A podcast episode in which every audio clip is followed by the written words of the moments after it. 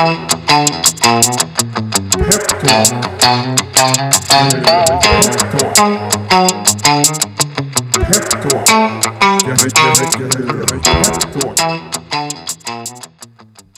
säger vi äntligen måndag och eh, varmt välkomna till den här eh, podden som heter Peptalk. Välkommen hit Dan, hur mår du?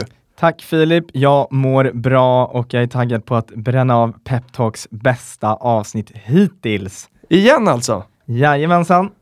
Gud vad kul! Eh, jag hoppas att eh, vi ska göra det. Det känns så. Vi har en spännande agenda idag. Vi ska börja med att eh, blicka tillbaka lite grann. Vi hade ju en lyssnare som påpekade att du för ett och ett halvt år sedan vann Solos pris. Eh, ett pris som delas ut på Spiltans eh, årsstämma. Eh, och jag hörde att du var på någon så här vinnarmiddag i veckan. Exakt, och att jag vann Solos pris var ju faktiskt din förtjänst från första början. För det var du som hade nominerat mig. Stämmer. Så det tackar vi för. Det var någonstans där vi blev, eh, ja men jag kände att det var där vi blev kompisar. Ja, det Eh, hände något då. Det, det gjorde det. Men året var i alla fall 2018 och jag lyckades eh, ta hem det här priset. Och Solus pris är ett pris som går till entreprenörer som gör saker för andra entreprenörer. Och som vinnare så får du eh, 100 000 kronor. Och eh, nomineringsperioden för det här öppnas snart Mm. igen. Men varje år så anordnas en middag med gamla finalister och personerna då som ingår i kommittén och som stöttar upp det här priset. Och jag hade blivit ombedd, ombedd av eh, Nalle Vem är Nalle? Nalle är eh, personen som koordinerar den här årliga traditionen Mm. han hade ombett mig att berätta vad som hade hänt sedan prisutdelningen. Och förutom att berätta om Young Drive, alltså den entreprenörsutbildning för unga som vi gör i Östafrika, som har haft 17 000 deltagare hittills, så Coolt. tänkte jag även ja, berätta om innebandy-VM som jag spelade med Japan för lite drygt ett år sedan. Och min tanke kring det här och konceptet var att jag skulle ringa in ämnet arbitrage. Jag tror att man kan använda ordet här i alla fall. Vi testar. Ja, men, Men, vad tänker du? ja, men jag, jag tänker att jag, tolkar det som att använda en kompetens eller eh, någon skill från ett område och sen applicera det på en annan marknad där den får ett högre värde. Så du Mm. ökar utväxlingen men du stoppar in samma input i det. Är det ar- arbitrage? Ja, men det tycker jag nog. Alltså för arbitrage när man pratar om aktiemarknaden är att du ska kunna köpa Ericsson på den ena marknaden för eh, X och sen sälja det på den andra för Y. Eh, och så eh, om den är noterad på två ställen till exempel. Så att nej men det här är väl jättebra. Ja, i så fall har, jag- har jag jobbat med arbitrage i, i hela livet. Eh, om vi tar det bolag i Cleaner som, vi, som jag lägger mest tid på. Eh, vi och jag fokuserar väldigt mycket på digital försäljning och här har vi applicerat det på ett område, en bransch som inte har varit så himla mogen på, på det här tidigare. Och tittar vi då på Young Drive så är vi ett startup-team som väljer att adressera det faktum att 620 miljoner ungdomar, du kan bara smaka lite på den, 620 miljoner ungdomar står utanför arbetsmarknaden i, i världen enligt en rapport från ILO som ett FN-organ. Och, eh, Svårt att greppa. det- 620 miljoner. Är det dubbla USAs befolkning? Är inte de 300 något sånt där? Det kommer jag vare sig kommentera eller dementera, men jag tror Nej. att det ligger någonstans där. Så nu kommenterar jag det ändå. Men eh, ett annat sätt att skapa arbitrage, det, det är att vara fostrad i svensk innebandy och sen så applicera det på, på den japanska marknaden, för det, vi har inte riktigt lika många innebandyspelare där. Och det öppnar ju då dörren för, för landslaget i innebandy i Japan. Och hur som helst, Och det gör det också för att du är halvjapansk ska vi säga. Ja, det är också en bra Ja. förutsättning för det. I alla fall så var jag peppad då för att berätta om min idrottsliga bragd under VM förra året. Tills dess att jag får se vilka eh, som är de första talarna som kommer upp på scenen. Mm. Och vet du vilka som kommer upp? Nej. Det är OS-guldmedaljörerna från curlinglaget lag Anna Hasselborg. Och i mitt tycke så är det ett av våra häftigaste Ah, landslag. jäklar. Ja, det, det, det välte mig lite där in, inför. De la ribban liksom. Alltså, den bragd som, som de har gjort och hur hårt de har kämpat få, för att få allt det här att gå ihop. Eh, ja, allt jag skulle prata om eh, därefter kändes inte som så mycket i, i, i sammanhanget. Jag fattar liksom känslan, men eh, din story blir ju aldrig någonsin sämre för att någon annan ser annorlunda. Men, men jag kan ju tänka mig när man sitter där och de, för det, här är det ju inte att de curlar för dig, utan de lägger ribban på en sinnessjuk nivå då. Ja, det, var, ja, det är en så imponerande resa som du gjort och, och att plocka hem ett OS-guld är alltid en, en eh, enorm bragd. Men jag tror i alla fall att eh, publiken fick uppleva kontraster när det kommer till idrott. Eh, från världens bästa landslag till ett av de landslag i världen som har störst utvecklingspotential, Japans innebandylandslag. Balten då var landslagsspelare i innebandy. Det blev aldrig jag. Jajamän, så eh, hur som helst, jag träffade lite folk från Peppins, eller som är associerade med Peppins på den här middagen mm. också. Mm. Eh, och jag, eh, jag vet ju att handelsperioden har, har öppnat på Peppins nu och så surfar jag runt lite på, på hemsidan. Eh, och då såg jag att Peppins söker lite förstärkning till sitt team. Det stämmer bra. Det, och handelsperiod det eh, stämmer. Det här kom ju ut eh, på måndag morgon det här avsnittet och, och handeln pågår idag fram till klockan 16. Eh, och Teamet då, det stämmer. Min eh, kollega Lindo som är eh, chef för kapitalanskaffningen på Peppins Corporate Finance eller vad man, eh, det finns många benämningar på, eh, på den här typen av eh, eh funktion kan man säga. Men Linn söker då en eh, ny medarbetare till det vi kallar Investor Relations eh, och Investor Relations eh, bygger på eh, att man ska liksom växa nätverket av investerare eh, och primärt det man kallar ankarinvesterare. Eh, om man har varit med i lite IPO på börsen så kan man ibland läsa att eh, den här fonden eller den här, eh, det här investmentbolaget har gått in och tagit en ganska stor del innan det öppnats upp för Eh, för gemene man att teckna. Eh, och det är såna här personer som man ska leta efter i den här rollen då. Eh, och de var med och liksom utvecklar de här långsiktiga relationer med större investerare som till stor del redan finns i vårt nätverk, men vi behöver också hitta nya. Eh, en annan del, jag läser från annonsen så jag inte ska säga fel, är att paketera och marknadsföra möjligheter för att delta i emissioner. Eh, man ska också planera och genomföra aktiviteter där investerare och bolag möts. Jag tänker att vi länkar till den här i avsnittsbeskrivningen så känner man att eh, det här vore kul för mig så är man varmt välkommen att, att höra av sig. Man kan höra av sig till eh, mig eller vem som helst på, på Peppin så kommer man rätt. Och jag är ju inte anställd av Peppis, utan kanske mer en, en vågad satsning på att ta in någon, någon utifrån till den här, här En innebandyspelare. Precis. vad, berätta, vad, hur är det att jobba på Peppins företagskulturen? Jag har varit med på någon fredagsfrukost. Ja, jag har noterat att eh, tomaterna som ligger på bordet är de mest finskurna jag någonsin har sett. Ah. Utöver det, hur är det att vara på Peppins? De tomaterna kan jag säga att eh, det är ju fredag när vi spelar in det här idag. De tomaterna såg inte så fantastiska ut i morse. Eh, det var Rasmus som, som skar dem här på morgonen. Eh, till hans försvar så hade han en fruktansvärt dålig kniv. Eh, när du var på frukosten så var det Latif som hade gjort dem tror jag och han är otroligt skillad. Um, så det kan man väl säga, det är väl Peppins, vi blandar och ger. Uh, nej jag skojar bara. Um, Peppins, det som särskiljer oss väldigt, väldigt mycket och det som är um, kärnan tycker jag i att vara hos oss är att vi vill göra någonting liksom väldigt annorlunda. Uh, och det som är annorlunda i, i eh, vad ska vi säga, sammanhanget finans är att det ska vara demokratiskt. Vi håller på med onoterade bolag och vill göra det möjligt för Eh, de allra, allra flesta eh, att kunna få investera på samma villkor som, eh, som proffsen. Eh, så det skulle jag säga sätter tonen för ganska mycket om hur det är. Eh, sen är det ju väldigt trevligt. Det är väldigt kul, det är ett kul gäng tycker jag. Och tycker ni att Filip verkar vara ett eh, kul gäng, tänkte jag säga, så eh, in och kika på länken som ligger med i beskrivningen till den här podden så kan ni läsa mer om vad den här rollen skulle innebära.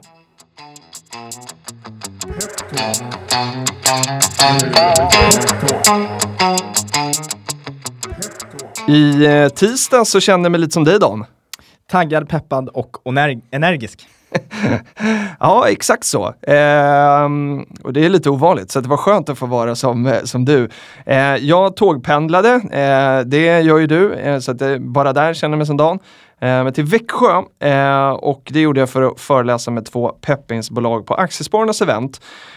och då hade jag typ eh, tre timmar till Alvesta där man byter eh, till ett eh, annat tåg för att komma in till Växjö. Eh, och vad tror du att jag passade på att göra eh, under den här resan med ett faktiskt helt okej okay wifi? Helt okej okay, wifi på SI låter rätt osannolikt. Det är 2019, vi kan flyga saker till Mars, vi kan bygga nanorobotar och skicka in dem i kroppen, men vi kan inte få okej okay, wifi på regionalsträckorna. Nej, jag, jag passade ju på då när jag ändå hade bra wifi. Lite stökigt i början eh, faktiskt på resan. Det är någonting mellan Stockholm och, och Södertälje som, är, som inte är bra. Eh, men jag googlade lite grann då, så jag gjorde en dag, tågpendla och googla eh, och så hamnade jag på en sida som heter TechCrunch. Eh, och så läste jag en artikel eh, från sommaren 2018 som handlade om att antalet stora liksom, venture capital-rundor, riskkapital som kommer till bolag, ökar väldigt mycket. men jag tänkte att vi skulle snacka om det en annan gång. Bra. Det är en cliffhanger. Ja, för det är ett ämne som jag tycker är intressant. Ja, den, den, eh, man behöver tid till den. Eh, så att jag, eh, vi kliffar den lite grann. Istället eh, så tänkte jag att jag skulle dela med mig av en reflektion som jag gjorde på vägen hem.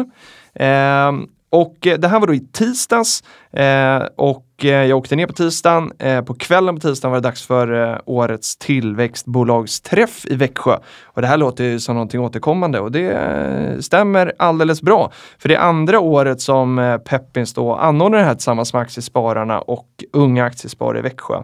Det är ett ganska klassiskt eh, upplägg eh, om man är van att gå på aktieträffar. Eh, tre företagspresentationer där jag håller i liksom, uppvärmningen eh, och berättar lite om Peppins och sen eh, har vi ett huvudnummer som delas mellan två medbjudna tillväxtbolag. Och förra året när vi var i Växjö då så var det Alvesta Glass och eh, SkyMap och i år var det Garpco Eh, kan man lyssna på för några avsnitt sen, deras vd Marcus Strand.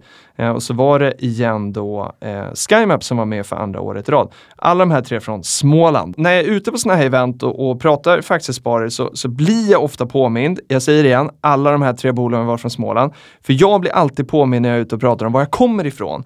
Eh, och nu tänker du Dan kanske, eller den som lyssnar på den här podden, att det är för att jag har en eh, tydlig dialekt, eller avsaknaden, avsaknaden av en dialekt, beror på hur man ser det. Att det är det som kanske avslöjar mig, men eh, så är det faktiskt inte. Utan när det här investmentbolaget då från Jönköping Garpco presenterade eh, på tisdagskvällen eh, så visade Marcus Strand då en bild, och det här är, jag älskar den här bilden. Det är en bild som visualiserar ett citat som han brukar dra och då säger han så här. Att ju längre du kommer från Stureplan desto bättre bolag hittar du. Och här någonstans så blir jag väldigt, väldigt påmind om eh, varifrån jag startade resan till Växjö och var jag avslutade i Stockholm. För på många mindre orter runt om i landet och särskilt kanske i aktiespararkretsar så finns det, tycker jag, en enorm liksom, stolthet för det lokala näringslivet. Hur eh, upplever du det i Eskilstuna också? Men definitivt. Eh, vi, ju, vi har några stora bolag som, som har sin bas eller ursprungligen kommer från, från Eskilstuna. Vi har ju Volvo CE, väldigt ah. stora där. Eh, härstammar någonstans från Bolinder Munktell, tror jag att det är. Mm -hmm. Vi har Stiga Sports. Ah, pingis, pingis. Pingis och pulkor hela rajtan tajtan. Så att, ja, men verkligen, och det är något speciellt att ha de här bolagen från sin, sin hemmastad. Ja men det är det och jag upplever liksom att den här stoltheten eh, den tar proportioner som gör att Jante, som vi pratar väldigt ofta om i Sverige, inte minst i pengasammanhang, liksom, eh, blir ganska bortblåst. Eh, för vad händer när en lokal entreprenör från Småland, eh, vi från Peppers har ju varit med några stycken nu, eh, när en sån vill göra en nyemission för att ge sig själv och se bolagen chans att växa eh, liksom, ganska mycket, eh, så vänder sig den här entreprenören i första hand ofta till den, de lokalt aktieintresserade. Eh, och då upplever jag att de står där liksom, med öppna plånböcker eh, och vill hjälpa till. Eh, och kanske också för att de vill ha en egen biljett till eh, liksom den här resan som man tror ska bli eh, väldigt trevlig. Och ofta då så hör jag att eh, aktiespararnas beslut, de som står, och inte organisationer utan aktiesparare, som står med sina öppna plånböcker, de baserar ofta liksom eh, sitt beslut att investera på någon, någon form av välvilja, att man vill hjälpa den här lokala eh, entreprenören. För den här entreprenören är ofta välkänd. Det märkte jag inte minst nu i Växjö. Du vet, då, kommer, då kommer den här, liksom, det är grannens entreprenöriella barnbarn eller liksom kollegans kusin som jag alltid hört har potential. Eh, så det är klart att man vill liksom hjälpa till. Eh, och det blir väldigt, väldigt eh, tydligt tycker jag när man är på sådana här träffar. Så då när jag sitter på tåget hem till Stockholm igen så funderar jag på hur många gånger som jag har investerat i något lokalt bara för att det är lokalt. Och så slår det mig att jag tror faktiskt aldrig att jag har gjort det. Eh, och, och, det gör mig lite ledsen på något sätt. Eh, för sen, sen funderar jag också på sådär, om, om det är en anledning nog att investera för att någonting är lokalt. Eh, och om det också är anledningen till att Garpko håller sig väldigt långt ifrån Stureplan, det vet jag inte. Men jag önskar liksom att jag skulle eh, ha samma känsla av lojalitet för så här, Stockholms näringsliv. Eh, så. Har du investerat i Djurgården? Ja, det har jag visserligen. Jag är ju djurgårdare, eh, så att jag, jag var med och investerade i Djurgården Hockey via Peppins. Det, det stämmer. Så där faktiskt, ja men där har du eh, eh en hjärtinvestering på ett, eh, på ett annat sätt. Men vad, vad tror du att det, det, handlar om då, att investera i något lokalt? Är det att saker blir mindre abstrakt, du känner någon som jobbar där, du ser skylten på fabriken, eller vad, varför tror du att man har den här patriotiska, lokalpatriotiska investeringsviljan? Nej, men jag tror dels som, eh, det har vi pratat lite om i tidigare avsnitt, att den här liksom känslan av att, att eh, leva som man äger. Att eh, åka, är man i Växjö så åker man ju liksom förbi Fort Knox till exempel, eller man eh, Eh, åker eh, ut till Braås där också, Volvo CE tror jag att det finns där med. Eh, sådär. Man blir liksom påmind om saker och ting i sin eh, vardag. Eller man går och tittar då på Alvestaglassen och sådär eh, i, eh, i matbutiken. Då vill man liksom vara med. Det, det, I alla fall för mig så, så eh, gnager den där lite i huvudet. Om man inte äger den så vill man vara, vara med för att man blir biased och ser dem på ett annat sätt. Men jag tror också att det finns någon någon sån här FOMO-faktor här och det är eh, liksom rädslan för att stå utanför. Ehm, och det är det jag menar med den här eh, biljetten, när du har någon grannes barnbarn som, som ska satsa och så, eh, så, så tror du ändå så att men om, om den här personen lyckas så vill jag ju inte stå utanför. Det är FOMO. Men har du pratat någonting med med entreprenörerna bakom mm. bolagen här om hur de känner för att ta in pengar från, från det lokala näringslivet. Eh, när jag har varit ute och träffat många bolag som stått i generationsskiften och, och, så har man pratat om vad bolagen, vilken riktning det ska ta efter generationsskiftet. Mm. Så det är väldigt många som pratar om att eh, det är viktigt vad bygden ska tycka mm. när jag mm. släpper det här till en ny, eh, till en ny ägare. För att man bryr sig så mycket om sin, sin mm. hembygd eller sin, sin hemkommun. Så, och, och, bolagen som då kanske anställer 50 personer eller 100 personer är på en, i en mellanstor svensk kommun en viktig arbetsgivare. Mm. Men jag tänker ju också att det bör ju komma med ett socialt tryck mm, om det kommer absolut. in pengar från familj och sådär. Absolut. Och, det, och jag tänker att familj och sådär i, i, i det sammanhanget kanske är mer eh, förlåtande. Nu spekulerar jag, men, men jag tänker mig det ändå. Alltså, tänk när du investerar Eh, eller få massa investeringar på en mindre ort och så ska du gå på den lokala matbutiken och liksom träffa de här som du kanske inte har en relation till tidigare men som du har en relation till nu för att du eh, är, är den här som leder bolaget som de har investerat pengar i. Eh, ja, inte helt eh, problemfritt, men jag tänker att man är, då kanske man är på tå och verkligen eh, liksom sköter sig. Se till att eh, man, eh, man har ett ansvar för att det ska gå bra på något sätt. Mm, men jag kan ändå förstå den. Jag, i, morse faktiskt, det, det är fredag idag, mm. så var jag hos ett, ett bolag i Eskilstuna som håller på att tillverka jeans. Mm. Och de håller på att släppa en, en ny version av sina jeans här som, in, som inte innehåller något bomull alls. Jaha. Och, eh, vår gemensamma nämnare från första början är att det här bolaget är från Eskilstuna. Okay. Och det är någonting som, som vurmas i mig eh, när, när ett bolag kommer från Eskilstuna. Då, Man vill ju så gärna att det här ska lyckas, för det kan sätta vår hemstad på kartan. Och, och, sen så gör de fantastiskt bra jeans som sparar väldigt mycket vatten och sådär. Mm. Men det är en annan Så jag kan verkligen känna igen mig i det här lokalpatriotiska som jag tror finns i många mellanstora svenska städer. Vad heter bolaget då om man vill kika på dem? Redo heter eh, bolaget. Hur stavar du det? Eh, oj, det var en bra fråga. R-E-D-E-W8.com så kan man gå in och kika. Ah, okay. ja, kan man gå in och kika. Har ingenting med Peppers att göra, men eh, det är kul att uppleva nya bolag tänker jag. Har du googlat Dan? Eh, jag har googlat lite den här veckan också. Eh, och när jag då skulle googla på det här med, med tillväxtbolag och lite onoterade bolag så hittade jag en artikel. Eh, och när jag klickade in på den här artikeln, jag tyckte den såg väldigt intressant ut, eh, men så insåg jag att det var en sponsrad artikel från Peppins, Veckans Affärer. Så eh, kudos till eh, marketing.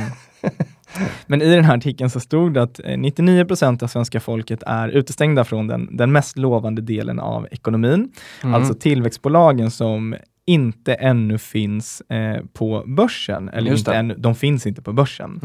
Eh, och att det här segmentet har hittills varit exklusivt för just professionella investerare Mm.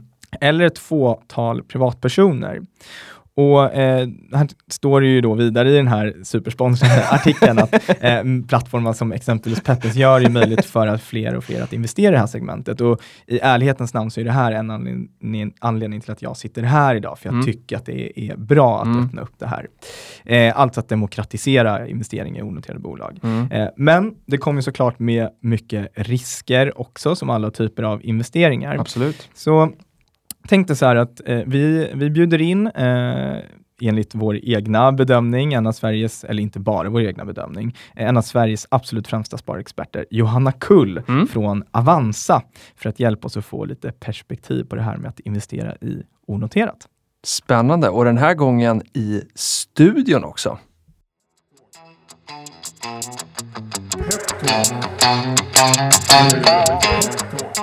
Då säger vi välkommen till studion till Johanna Kull, och sparekonom på Avanza. Tack så jättemycket, roligt att få vara här. Kul att ha dig här och istället för att fråga hur du mår, du syns med pensionsupproret på många ställen just nu. Kan du bara kort berätta, vad är det och hur går det? Mm, absolut, det pratar jag gärna om. eh, skräll. Nej men pensionsupproret är ju så här, har man en tjänstepension eh, i Sverige idag, vilket de allra flesta har, så har ju de allra flesta det i och för sig i en kollektivavtalad tjänstepension om man tillhör något av de fyra kollektivavtalen. Då berörs man inte av det här. Men för alla oss som har en tjänstepension som inte är kollektivavtalad så har det eh, fram till nu, och det är fortfarande det, ganska svårt att flytta de här från vissa pensionsbolag. Eh, svårt och framförallt kan det bli väldigt, väldigt dyrt om du vill flytta dina pengar från en aktör till en annan. Och för att råda bot på det här så har regeringen nu lagt fram ett eh, lagförslag som säger att det ska bli enklare och billigare att flytta sina pensioner. Tyvärr så, mm, det här var ett alldeles, alldeles för lamt eh, lagförslag menar vi och många med oss. Att här har man liksom gjort det möjligt för pensionsbolag att fortsätta låsa in sina kunder slash ta ut en väldigt hög avgift om de vill flytta.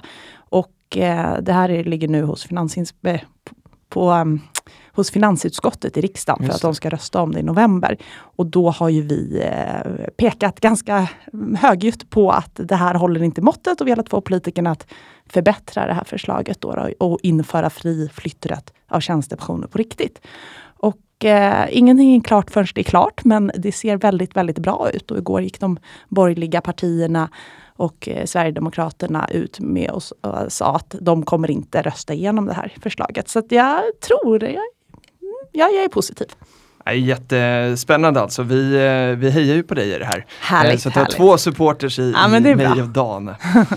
Och vi tycker att det är jättekul att ha dig här. Vi eh, pratar mycket om tillväxtbolag och eh, liksom det som är utanför börsen mest är det onoterade. Och du som eh, för liksom spararnas talan lite grann som sparekonom, eller väldigt mycket. Eh, ska bli kul att få höra liksom, dina reflektioner på det som vi pratar mycket om i den här podden. Och första frågan till dig handlar om ett något som heter S-kurvan och då läste jag ett blogginlägg från en råberförvaltare som heter Henrik Karlman som han hade skrivit om onoterade investeringar. Och där menade han att eh, ett bolags utveckling är precis som ett S, alltså som i en S-kurva där stora delar av värdeutvecklingen, eh, alltså bolagets värde ökar, kommer mellan att en affärsidé har bevisats och sen innan den går till börsen. Är det ett problem att vi som liksom gillar att handla på börsen missar den här stora uppgången? Det är ju generellt nu. Mm. Ja, men jag, jag var ju också inne och läste det här blogginlägget nu och det hade ju liksom många poänger tycker jag som, som var värda att ta till sig. Men jag tror att lite, man får göra särskilja det lite för att han är ju förvaltare och liksom har som yrke och lägger hela sin vakna yrkestid i alla fall på att hitta rätt bolag, på att analysera bolag och ha liksom ett stort team bakom sig och allting. Ehm, och då är det klart att de har större möjligheter att hitta de här bolagen innan de har gått till börsen än vad en vanlig privatsparare har. Och framförallt större möjligheter att, att analysera vilka bolag är det som är onoterade idag som faktiskt har en bevisad affärsmodell. För det är ju lite nyckelordet där, Mm. att affärsmodellen ska vara bevisad. Och det tryckte han ju på i många delar av eh, blogginlägget också. Och problemet kan ju vara för en vanlig privatsparare att man kanske inte riktigt har de kunskaperna som, som alltid krävs um, för att avgöra det här. Och sen så är det ju så att onoterade bolag är ju mi mindre genomlysta. Mm. Så att om det är ett problem, ja det är klart att det är synd att, att man kanske missar de här riktiga raketerna, värdeskapandet där. Men eh, det finns ju också eh, riktiga bottennapp. Och, ja, jag skulle inte säga att det är det största problemet som spararna möter, nej. Nej. Och utifrån det, alltså, man brukar säga att börsen avkastar ungefär 7% per år. Och eh, onoterade tillväxtbolag ska, ska ha potential i alla fall att avkasta eh, betydligt mer än så. Eh, ska man som privatsparare jaga den här extra avkastningen eller ska man nöja sig med, med mogna bolag och, och de här långsiktiga 7 procenten per, per år? Hur, mm. hur skulle man kunna resonera kring det? Mm. Först så, jag, jag, jag, är väl en av syndarna skulle man kunna säga, men jag vill vända mig lite mot det här att man säger att börsen avkastar 7% per år i snitt. Liksom 7% drar man bort en utdelning på 4% då är det 3% per år i ren kurstillväxt. Och det, det tror jag inte vi skulle vara riktigt nöjda med, utan egentligen har ju börsen också gett betydligt mer än 7% Men absolut, vi säger ju ofta det, för man vill inte ta i från tårna. Liksom. Eh, men jag menar, man kan ju titta på Investor, eller Latour eller Kinnevik, så har ju de gett betydligt mer. Exakt. Och ändå så faller jag och många med mig i den här fällan och pratar om 7% per år. För man, man är väl lite skadad av alla risktexter helt enkelt. Och man vill liksom inte lova någonting och hit och dit och då, då drar man ner det lite. Um, så att nej, jag tycker inte att man ska nöja sig med 7 Um, men jag tror, så, så, det tycker jag inte. Uh, men nyckelordet någonstans blir väl liksom det här med riskspridning. Man känner sig som en papegoja ibland när man pratar om det, men det är ju bara att återkomma till det. Så att, Snittspararen i Sverige, aktieägaren, har ju 3,9 bolag i portföljen. Mm. Det är ju väldigt, väldigt få. Nästan hälften av alla aktieägare har ju bara ett enda bolag. Uh, så att jag tror, ska man börja kika mot onoterat och den typen av investeringar, då måste man ju vara ännu mer noggrann med sin riskspridning. Se till att man har en del mer mm, Alltså fler bolag på börsen, mogna bolag om vi kallar det som yeah. så, liksom med stabila kassaflöden och vinst och sådär, bevisad vinsttillväxt. Och sen får man ju kika på den onoterade delen om man är den typen av investerare som, som vill åt det.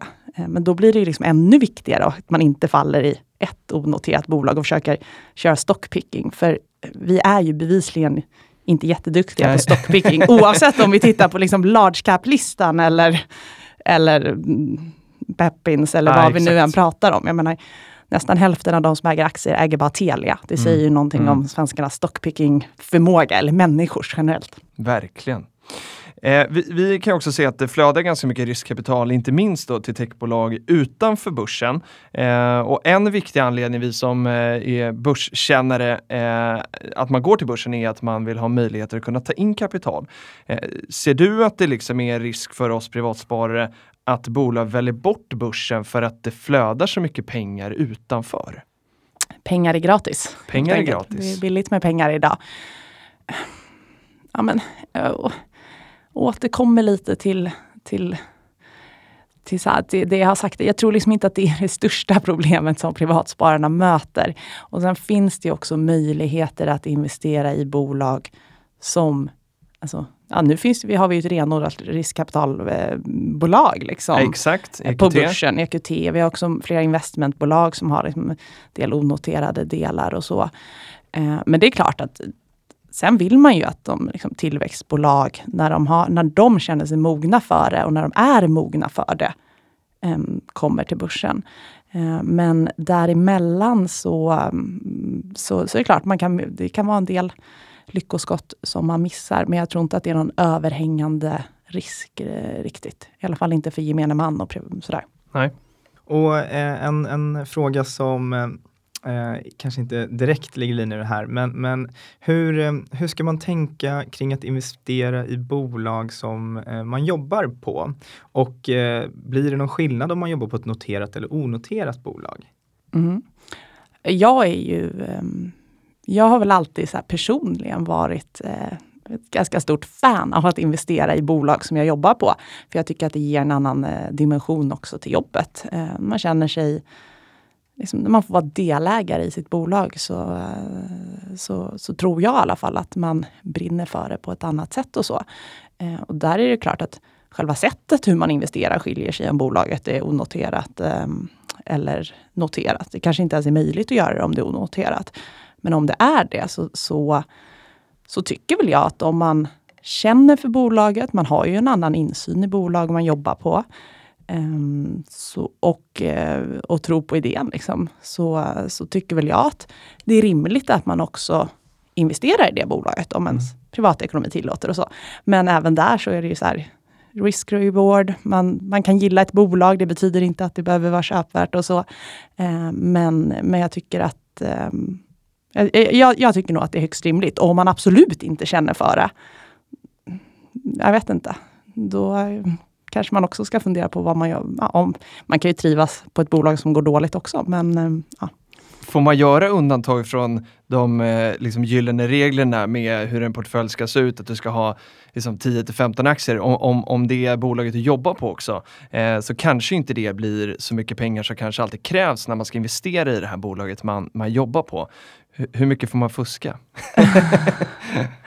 Nej men alltså det är klart att man alltid ska ha en riskspridning. Men mm. jag tänker om du menar om man, om man har möjlighet att köpa uh, personaloptioner eller exakt. så. Ja men då kan man ju ofta gå in med mindre summa men få en liksom större exponering mot bolaget. Smart. Lite ledande fråga där också. För det, jag, jag är väl typexemplet på det. Liksom jag, jag är väl mer investerad i, i ja, obviously, ja, ja. Eh, än vad jag är i min arbetsgivare, än vad jag hade varit om jag inte hade jobbat där. Just det. Eh, men bara man är medveten om vad man gör och sådär. Och som sagt, optioner är väldigt hög risk. Har man den möjligheten så eh, ja, man måste vara beredd att förlora de pengarna man investerar. Det, det är, är liksom, binärt. Liksom. Det är binärt, ja. det är etta nolla. Eh, men det, finns väl massa exempel på onoterade bolag där personalen eh, kanske har fått lite lägre lön eller sådär, men Just istället det. blivit delägare, fått personaloptioner som sen har blivit en jättebra affär mm. eh, den dagen det väl går till börsen. Jag menar Spotify är väl det, liksom, det roligaste exemplet på det här. Nu menar jag inte att alla som får mm, personaloptioner på ett onoterat bolag kommer kliva därifrån som mångmiljonärer. Men, Nej, verkligen inte. Men äh, nej, jag positiv i alla fall. Mm. Och jag, jag, lever ju på att driva eget bolag så jag är uppenbarligen ganska investerad mot, mot min egen ja. arbetsgivare. Men eh, båda ni då som, som jobbar på, på olika bolag, hur eh, Tror ni att man får den här extra motivationen? Känner ni det själva då att, att vara ägare och, och blir alltså, Identifierar ni er mer med, med arbetsgivaren eh, genom då att ha ett ägande i den, den egna arbetsplatsen? Eh, absolut. Nu hade jag ju inte gjort det om jag inte redan hade tyckt väldigt bra om min arbetsplats. Eh, men, men absolut, det, det, ja.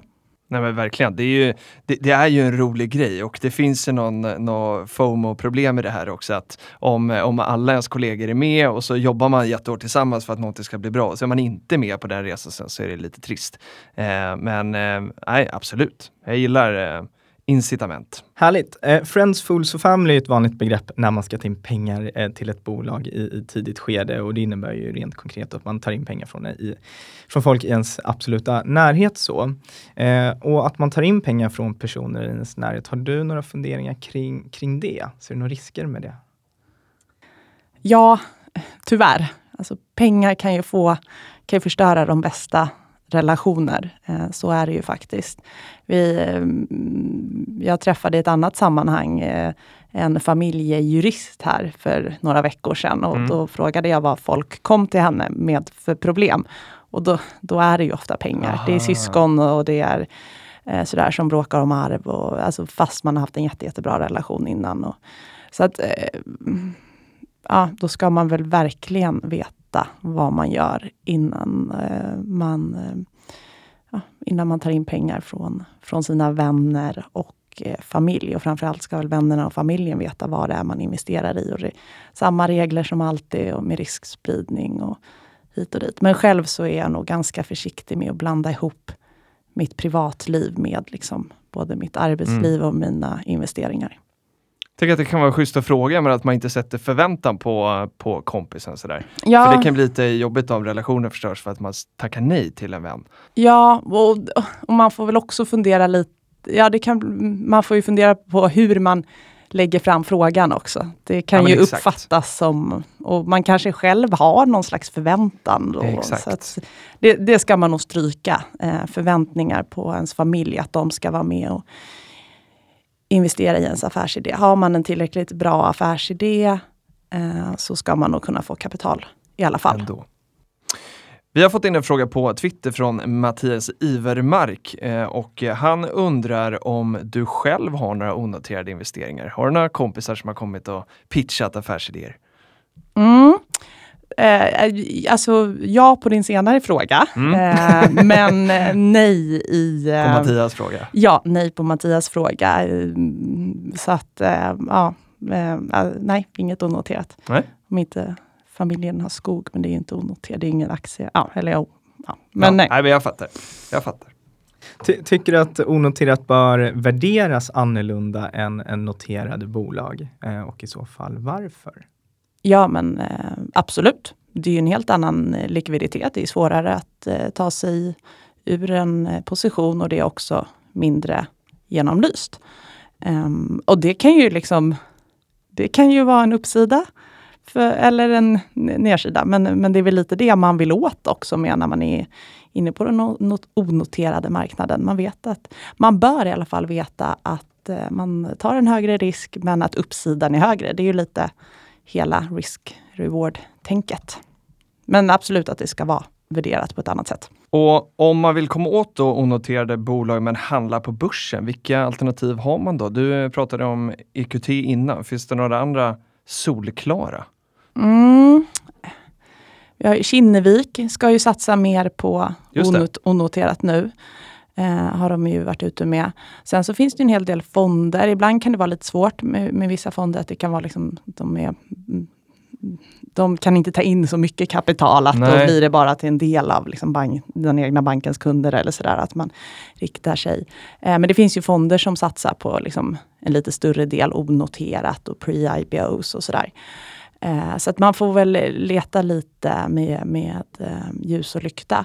Men det jag kan sakna, det är väl i så fall, man tänker liksom Peppins eller sådär, en handelsplats för onoterat, att det borde finnas någon produkt som gör att man får exponering mot väldigt många.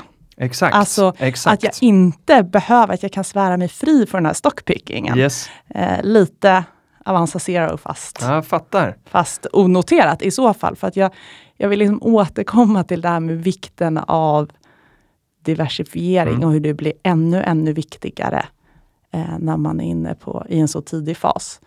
Ehm, för Vi, att, eh, eh, ja. Vi har en i vår styrelse som heter Ulf, jag nämnde det tidigare, men han, eh, han hade high-fivat dig här, för han går alltid runt på kontoret när han är där och, och säger just det här att det, det är portföljen som spelar roll. Mm. Det är inte det enskilda bolaget, utan det är liksom portföljen av den här typen av exponering som är intressant. Ja, och då kan det ju räcka med att en blir en riktig raket Exakt. som stiger till himlen, så kommer ju det lyfta. Liksom. Det, det, ehm, ja.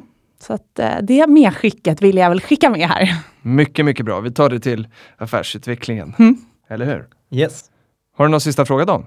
Ja, men jag driver ett onoterat bolag, litet sådant. Och eh, om jag skulle få för mig, eller om jag skulle få möjligheten att ta det här bolaget till börsen.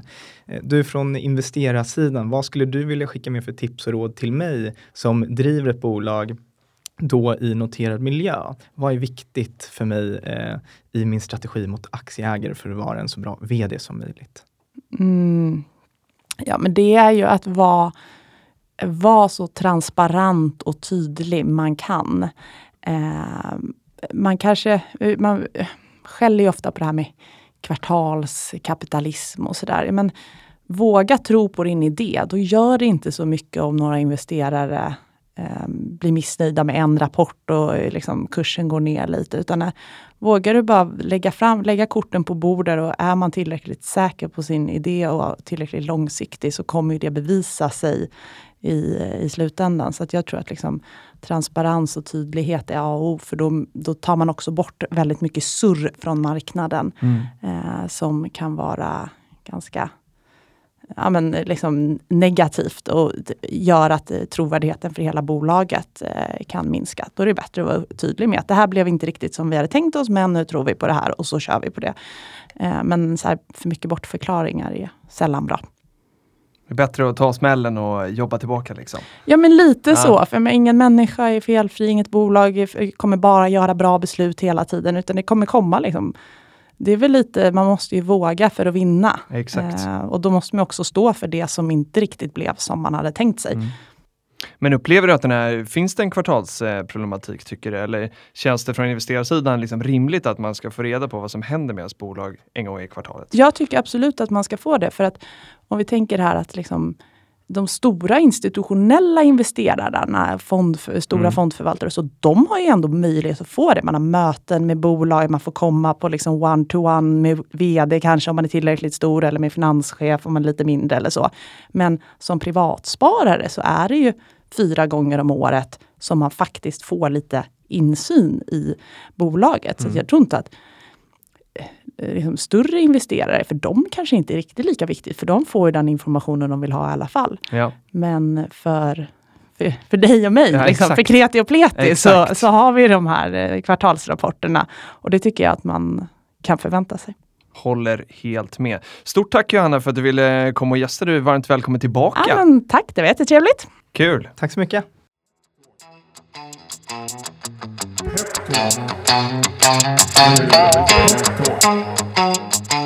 Och det var intervjun med Johanna Kull. Filip, vad Mm. tar du med dig?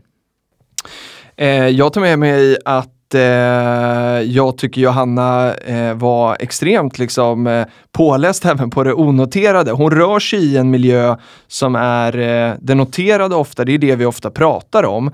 Men det blir så tydligt här också att ja, men, allt det vi lär oss och vi som aktiesparare och sådär som är skolade någonstans i den noterade miljön, Eh, det vi kan om det och sättet hur man ska hantera sin portfölj och sådär, det går verkligen att applicera också på, eh, på det onoterade. Sen nämner hon ju också det här med att snittspararen bara har 3,9 bolag.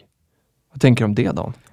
Det känns spontant som, som väldigt lite och väldigt mycket risk. Jag vet inte om det är att snittspararna har 3,9 bolag och därtill en hel del fonder som nog kan öka eh, riskspridningen lite. Men det känns Så spontant som väldigt lågt.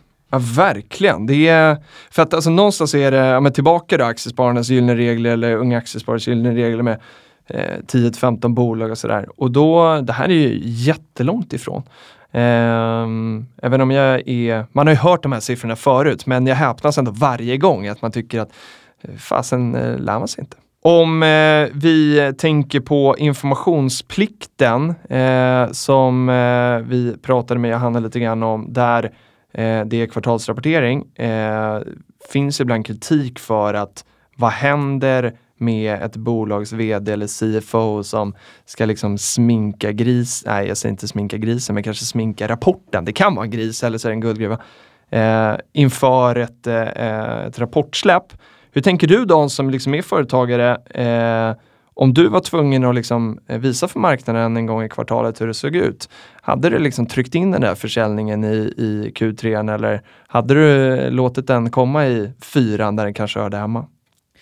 Men det här verkar vara någonting som även väldigt, eh, jag ska komma till, till mitt svar i det här också, det är inte sätt att slingra mig, men det verkar vara någonting som även eh, grundare av väldigt stora bolag som är noterade idag eh, brottas med. Jag tror att Jeff Bezos på, på Amazon har tagit upp den här alltså svårigheten med, med aktiekursen. Mm. Dels vad som påverkar aktiekursen, men också hur det påverkar bolagets anställda om man sitter med optioner eller eget innehav. Och att bolaget behöver inte vara sämre idag bara för att kursen har gått ner ett par procent. Nej. Och eh, jag tror att det, det hade säkert påverkat mig också då som, som vd i ett bolag om jag hade haft en kurs som rör sig eh, varje dag, om jag visste att jag blev mätt på eh, kvartalsbasis Mm. eh, och att då menar, man, man levererar på det man, man mäts på. Mm. Eh, så jag tror att det hade nog påverkat eh, mig en, en del, även om jag intellektuellt sett är långsiktig. Mm. Så eh, jag gillar ju siffror och kopior och, och eh, aktiekursen tror jag hade nog varit någonting som ändå på något sätt sätter tempen på hur bolaget mår fastän det egentligen inte gör det. Psykologiskt tror jag att det träffar mig. Och hur, eh, Johanna var ju också inne på det här med eh, hur eh, de stora placerarna, eh, institutioner, fonder sådär, eh, hur de kan ha mer information än eh, liksom gemene sparare för att man får träffa management och sådär. Eh, här ska vi säga att de ska ju inte ha mer information. Du får ju liksom aldrig sprida insiderinformation sådär. Eh, alla ska ju ha samma möjlighet till samma information. Men jag tänker mig att om jag eh, skulle få sitta med dig Dan och ditt bolag eh, och så berättar du eh, om kvartalsrapporten för mig. Så tänker jag mig att så här, eh, om jag får tillträde till det rummet så kan jag ändå läsa ut lite andra saker på dig. Hur ser du ut att må? Så där, är du glad när du eh, berättar om den här försäljningen eller darrar lite på läppen och sådär. Vad tänker du kring det? Men jag tror att det, det är nog, för mig är det nog Finns det en finns det en fördel där? Det, det tror jag definitivt att, att det gör. Eh, jag, menar, jag mår ju väldigt mycket som bolagets försäljning. Mm. Så jag, vi, vi, och vi är en väldigt säsongsbetonad verksamhet så att vi mår ju väldigt bra under sommarhalvåret. Under vinterhalvåret så, så eh, går säsongen ner lite och då, då är det lite tuffare. Så jag tror att eh, ja, men det speglas nog ganska bra i de här sittande mötena men också få möjligheten att prata runt omkring och, mm. och eh, ändå få lite längre utläggningar på eh, trender och eh, makroläge och sådär. Så det tror jag ger, ger en, en stor fördel.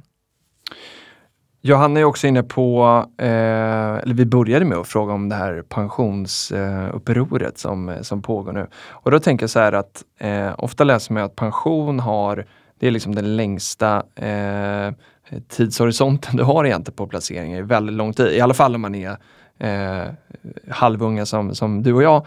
Eh, Finns det, om man pratar då den här S-kurvan som vi var inne på med att eh, saker och ting får sin största värdetillväxt liksom före det kliver på börsen. Givet att man har superlångsiktighet då i sitt pensionssparande, ska man bara ha onoterat där då? Det är en bra te teoretisk fråga som jag, jag, tror inte att vi ska svara, svara på den. Nej, jag, tror inte, jag vet inte om det är praktiskt möjligt ens. Alltså de flesta eh, pensioner, tjänstepensioner som Johanna är inne på här eh, är ju kopplade till kollektivavtal eller andra och sådär. Och eh, eh, finns säkert fonder i dem som har del onoterat men eh, eh, svårt att säga att man kan välja, välja det helt fritt själv. Men kul tanke då. Mm. Och en annan sak som jag också tog med mig från, från samtalet, mm. personaloptioner och Just att eh, personalen är delägare i, i bolaget. Eh, jag gillar det konceptet. Alltså, ett bolag drivs av flera människor, det är inte bara de som, som kanske är huvudägare och sådär som, som gör att få den, eh, att ha investerade, ett, ett investerat team, tror jag verkligen kan öka commitment och långsiktighet även där. Mm. Eh, så ja, men det var intressant att höra er två prata kring det. Ja, det där kan vi nog också ta i ett helt avsnitt någon gång och bara prata incitament och hur man jobbar med det, bonus kontra delägarskap och sådär.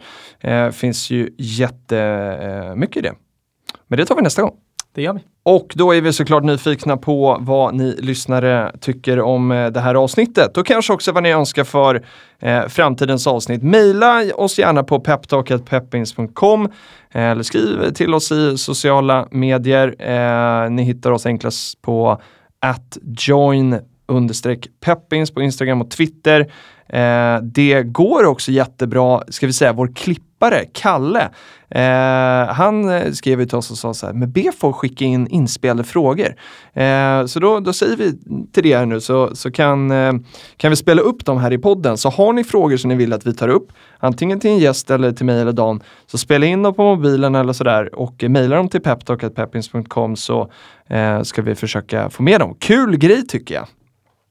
Och så kan man prenumerera på podden. Var finns vi då Dan? Vi finns på Soundcloud, Acast, Podcaster och såklart Spotify. Just det. Och eh, den här podden produceras eh, precis som vanligt för Peppins. Inget innehåll i podden ska ses som finansiell rådgivning. Investeringar i aktier är förenat med risk och innebär att man kan förlora delar eller hela det investerade eh, kapitalet. Eh, vi har, eh, du frågade mig om Djurgården, där sa jag att jag äger aktier. Alvesta Glass har vi också pratat om, där äger jag med aktier. Garpco och SkyMap likaså. Så tror jag att vi har eh, dragit av alla som eh, vi har pratat om idag. Hur ser det ut för dig? Jag eh, är väl eventuellt delägare i Garpco här snart. Det pågår i handelsperiod. Spännande. Då tackar vi för idag. Och ser fram emot nästa veckas avsnitt där vi har en riktig hejdundrande gäst som kommer på besök. Ja, vi kanske kan outa det under veckan så får ni skicka in frågor. Vi får se. Ha en eh, god vecka! Hej då! Pep Talk.